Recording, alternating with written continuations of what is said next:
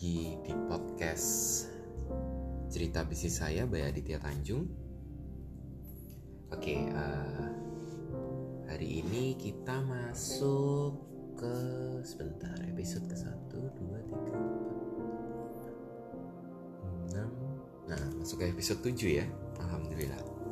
Biarpun nggak rutin setiap hari, tapi uh, apa namanya doanya kalau pas kosong bisa sambil nunggu klien, sambil ngobrol, sambil meeting, apa di antara meeting bisa bikin podcast. nah ini uh, kebetulan dari pagi udah bikin uh, ini ya presentasi ke klien. Oke kita lanjut. Mau bahas apa nih kita? Uh, saya tergelitik nih untuk bahas sedikit mengenai perbedaan bisnis fashion retail ya di konteks ini adalah Ismovin dengan bisnis energik yang rata-rata project base ya. Saya mau menanggapinya dari sisi modal atau dan juga cash flow. Nah ini yang menarik ya. Jadi kalau di energik saya rata-rata setiap tahun harus prepare dana ya untuk untuk cover operasional operasional kantor ya supaya karena tipikal kita itu kan project base rata-rata. Nah, dari project base ini biasanya dibayarnya di belakang. Bisa empat bulan, bisa lima bulan. Jadi saya harus prepare uh, modal ya atau cash untuk bisa handle operasional. Kira-kira seperti itu. Nah, uh, di energi untuk menata cash flow-nya menurut saya jauh lebih mudah ya paling yang terjadi isunya adalah kalau ada kemunduran atau uh, dari target dia misalkan bayarnya bulan apa itu mundur tidak terlalu kompleks itu harusnya masih bisa ke cover dengan uh, pendapatan yang lain project-project yang lain yang sudah masuk.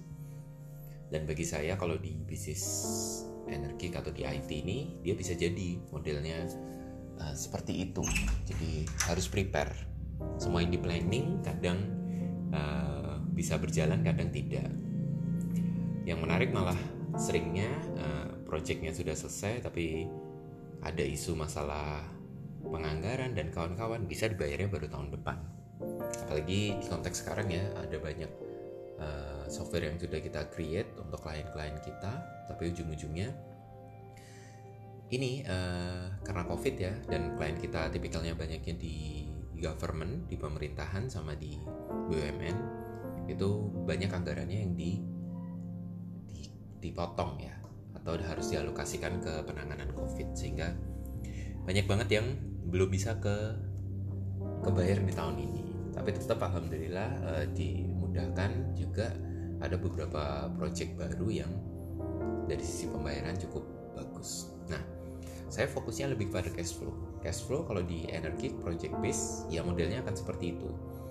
Dan saya tidak ada pembelian bahan baku ya, jadi semua costnya itu adalah terkait cost operasional, terkait gaji ataupun operasional kantor.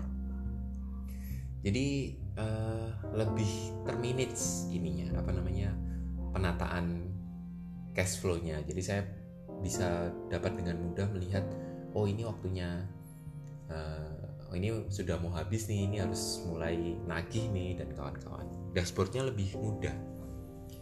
Nah saya ini kan bisnis uh, yang kedua itu kan ada Ismovin ya. Ismovin sudah jalan 2 tahun cuma memang uh, di awal itu banyaknya saya penjualannya ke klien-klien saya di Energik ya. Kebetulan dia beririsan tipikal ini ya apa? Customer segmentnya beririsan terus akhirnya ya sudah uh, pakai klien-klien itu untuk awal untuk tes market juga. Alhamdulillah penjualan cukup bagus. Cuma balik lagi uh, tidak bisa benar-benar masif nah akhirnya mulai belajar uh, online ya pemasaran online.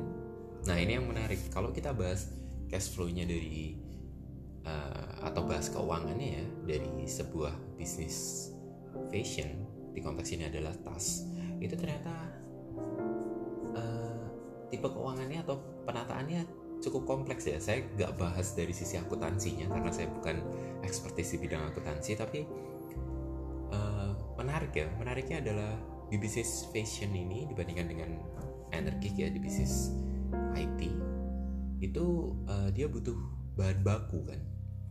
Jadi uh, ini yang menarik satu ya ini butuh bahan baku. Jadi kalau saya punya kas kas ini mau bikin apa namanya barang nah saya harus prepare dulu nih beli bahan bakunya nah beli bahan baku terus ternyata nanti harus prepare lagi dana untuk uh, production. Dari production masuk lagi ya dia menjadi produk siap jual. Akhirnya akan menambah uh, nilai inventory ya produk jadi yang siap jual. Seperti itu. Nah ini yang menarik. Begitu kita genjot penjualan ya penjualannya kenceng nah ternyata kasnya nggak kuat. Habis. Kenapa kasnya habis? Jadi kalau misalkan taruhlah uh, saya punya rata-rata penjualan senilai X ya. Ternyata dari sisi apa namanya? Dari X saya mau naikin 2X deh. Dari X terus saya mau naikin 2X dari sisi stok produk ya itu kita harus prepare-nya kalau pengalaman saya itu sekitar dua setengah sampai 3x supaya karena kita punya beberapa warna juga ya. Supaya kalau ada yang beli itu dia dapat tercover. Dan tidak ada yang uh, beli tapi stoknya habis. Karena uh, eman-eman begitu kita sudah beriklan dan kawan-kawan tapi dia beli mau beli tapi stok warnanya habis. Kira-kira seperti itu. Jadi uh, dari situ mau nggak mau kita harus prepare productionnya lebih besar lagi biayanya. Apa? Uh, untuk modalnya ya. Untuk prepare yang bisa dua setengah x atau sampai 3 x stoknya. Nah akhirnya uh, makanya saya tuh bingung ini penjualan mulai bagus gitu kan tapi kasnya kok habis terus. Ternyata kasnya itu berubah menjadi cash ya yang duit cashnya itu berubah menjadi inventory. Begitu dan apa namanya beberapa kali saya harus store modal lagi ya atau minjemin modal ya untuk untuk bisa uh, kulaan kulaan bahan terus bisa production. Karena dari kas awal itu tidak di prepare untuk bisa scale up sebesar sebesar 2x atau 3x lagi seperti itu. Jadi saya melihatnya agak beda nih ya ngatur keuangannya si uh, fashion retail ya di konteks ini Smoothin dengan energi di project based IT gitu kan. Kira-kira seperti itu.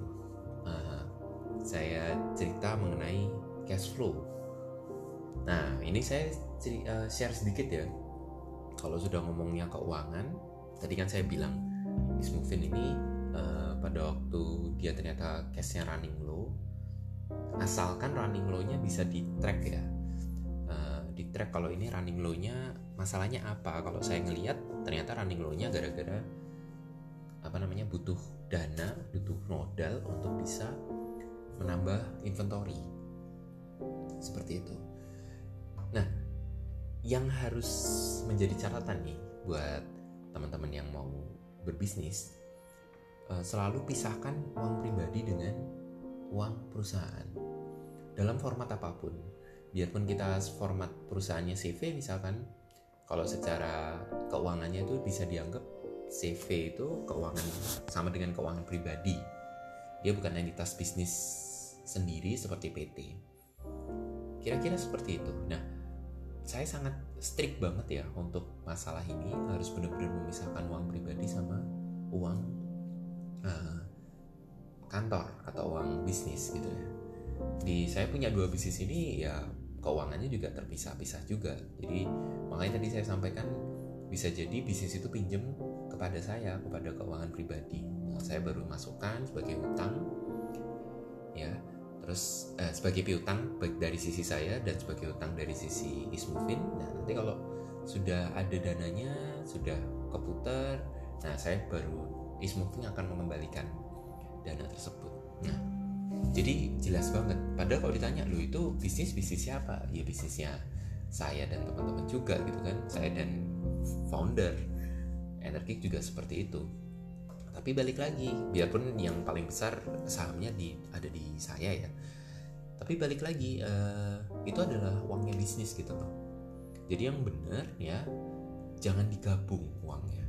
Dan uh, kalau misalkan temanya itu adalah saya juga perlu penghasilan. Jangan ngambilnya langsung. Sistemnya uh, motong dari kasnya bisnis. Biarpun apakah itu salah salah menurut saya ya. Tapi itu diperbolehkan sebenarnya dari sisi keuangannya. Kalau saya kecenderungannya melakukannya apa? Nah saya melakukan saya harus digaji. Jadi dari bisnis ini saya mereka harus bisa menggaji saya. Gitu. Jadi harus dialokasikan untuk gaji jadi saya dianggap sebagai kontribusi bisnis itu saya juga sebagai eksekutif ya. Jadi bukan hanya sebagai uh, investor. Kira-kira seperti itu. Ini harus benar-benar di, dipisahkan dan harus benar-benar ini ya uh, apa namanya disiplin banget. Ini konteksnya pakai uang ini uangnya siapa nih? Oh uang pribadi. Oh, berarti dianggap sebagai hutang di bisnis. Oh misalkan saya lagi ada kebutuhan dana nah saya bisa pinjem dari uang bisnis.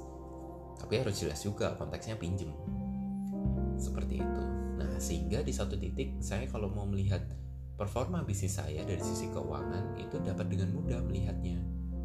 Oh keuangan saya atau bisnis saya trennya seperti ini. Jadi kalau saya pribadi itu income-nya ada dua ya teman-teman. Dari sisi bisnisnya income pertama itu adalah dari sisi gaji yang kedua itu dari dari sisi dividen. Kalau ada yang dibagi. Tapi alhamdulillah kalau energi uh, setiap tahun bisa sharing dividen. Yang Ismovin masih proses ya. Masih proses berkembang uh, sehingga saya melihat belum perlu untuk dibagi dividennya kira-kira seperti itu. Jadi poinnya saya tadi cerita mengenai cash flow-nya ya. Cash flow-nya ini agak berbeda dua tipikal bisnis ini. Terus yang kedua adalah dari sisi uh, keuangan manage keuangan dari pribadi memisahkan antara keuangan pribadi dengan keuangan bisnis. Kira-kira seperti itu eh, teman-teman. Uh, mohon maaf kalau ada salah ya.